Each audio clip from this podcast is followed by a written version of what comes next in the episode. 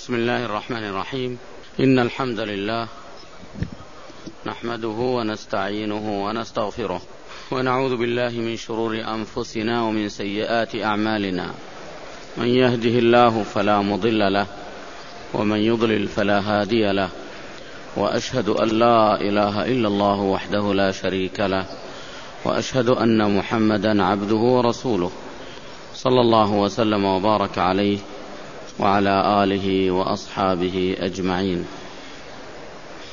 أما بعد أيها الإخوة في الله بالأمس كنا في استقبال هذا الضيف الكريم شهر رمضان المبارك. وها هو الآن قد مضى منه قرابة الثلث.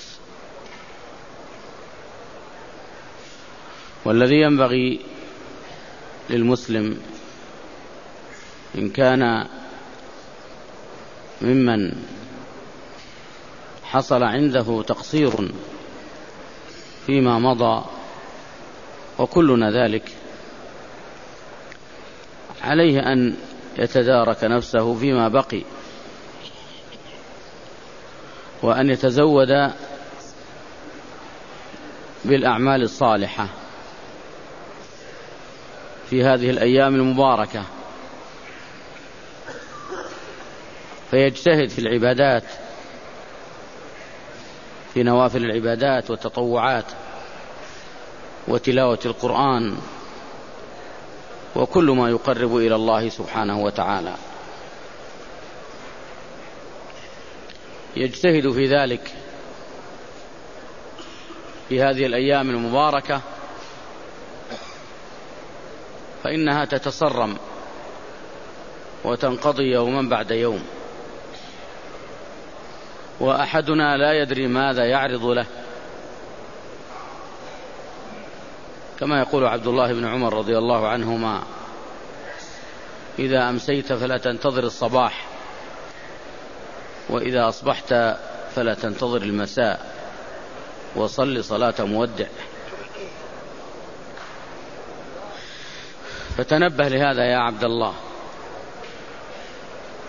ولا يكن نصيبك في هذه الأيام هو الجوع والعطش تقليدا وتبعية. كما هو حال بعض الناس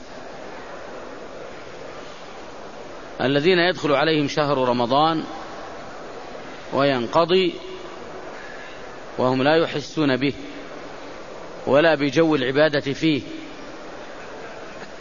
بل ربما عدوه وقتا مناسبا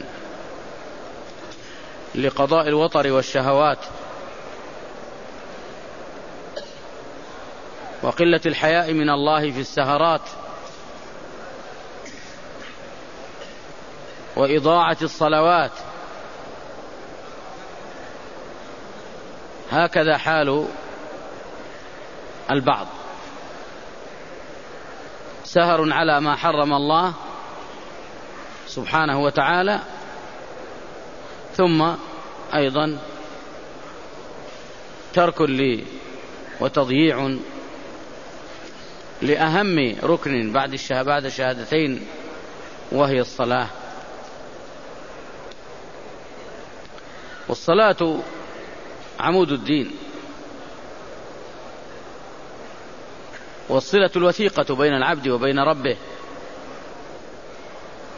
والعهد الذي بين المؤمن وبين ربه. فمن تركها فقد كفر. ولو كان تركه تهاونا على الصحيح. فإن المحروم من حرم. من الخير في هذه الأيام المباركة.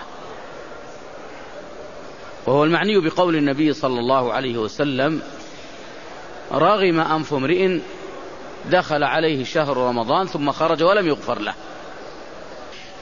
لأن جائزة المتعبدين الصائمين القائمين هي المغفرة والعتق من النار. جعلني الله وإياكم ممن هو أهل لذلك. فلا بد من المبادرة يا عبد الله. ولا بد من الجد والاجتهاد قبل فوات الأوان. قبل أن يقرع سن الندم.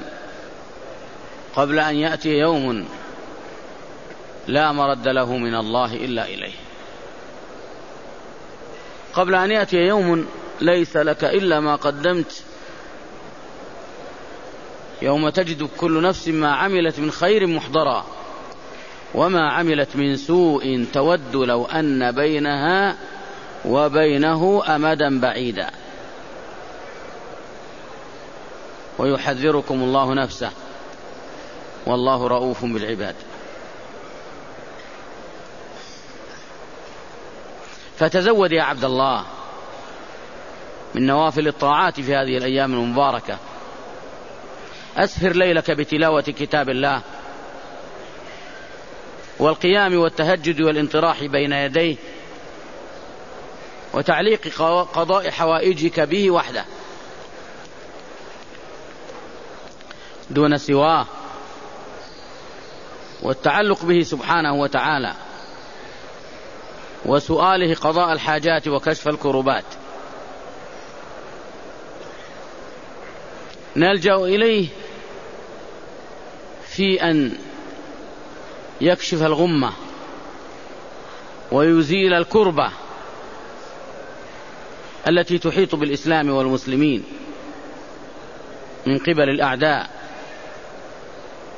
وذلك عندما ضعف الإسلام لدى كثير من الناس وتخلى بعض الناس عن دينه أو تساهل فيه وتنازل عنه من أجل أن يرضى عنه الآخرون فأوصيكم ونفسي أيها الإخوة بتقوى الله. في السر والعلن. وفي الجد والاجتهاد. في هذه الأيام المباركة. فإنها أيام لا تعوض. ولا ندري هل ندرك بقيتها. أم أننا نكون في عالم آخر. عندما لا يجد الإنسان إلا ما قدم. فمن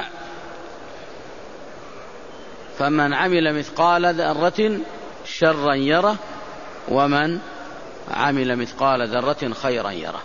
واعلم يا عبد الله أن مضاعفة النوافل أعظم الأسباب لمحبة الرب سبحانه وتعالى. روى الإمام البخاري رحمه الله تعالى عن أبي هريرة رضي الله عنه أن النبي صلى الله عليه وسلم قال فيما يرويه عن الله جل وعلا من عادى لي وليا فقد آذنته بالحرب. فقد آذنته بالحرب. وما تقرب إلي عبدي بشيء أحب إلي مما افترضته عليه. ولا يزال عبدي يتقرب إلي بالنوافل حتى أحبه. فإذا أحببته فإذا أحببته كنت سمعه الذي يسمع به وبصره الذي يبصر به ورجله التي يمشي بها ويده التي يبطش بها. ولئن سألني لأعطينه ولئن استعاذني لأعيذنه. وهذا تفسير لقوله الأخير والإنسان لأعطينه ولئن استعاذ لأعيذنه. تفسيرا لقوله كنت سمعه وكنت يده وإلى آخره. في أن الله يكلأه ويحبه ويرعاه ويحفظه ويحيطه بعنايته ويحفه برعايته إلى أن يلقى الله سبحانه وتعالى. فأوصيكم ونفسي أيها الإخوة بالمبادرة في هذه الطاعات والجد والاجتهاد في هذه الأيام المباركات وتحري الفضل من الله سبحانه وتعالى والإكثار من الخير الصدقة التوبة والاستغفار واللجأ إلى الله سبحانه وتعالى.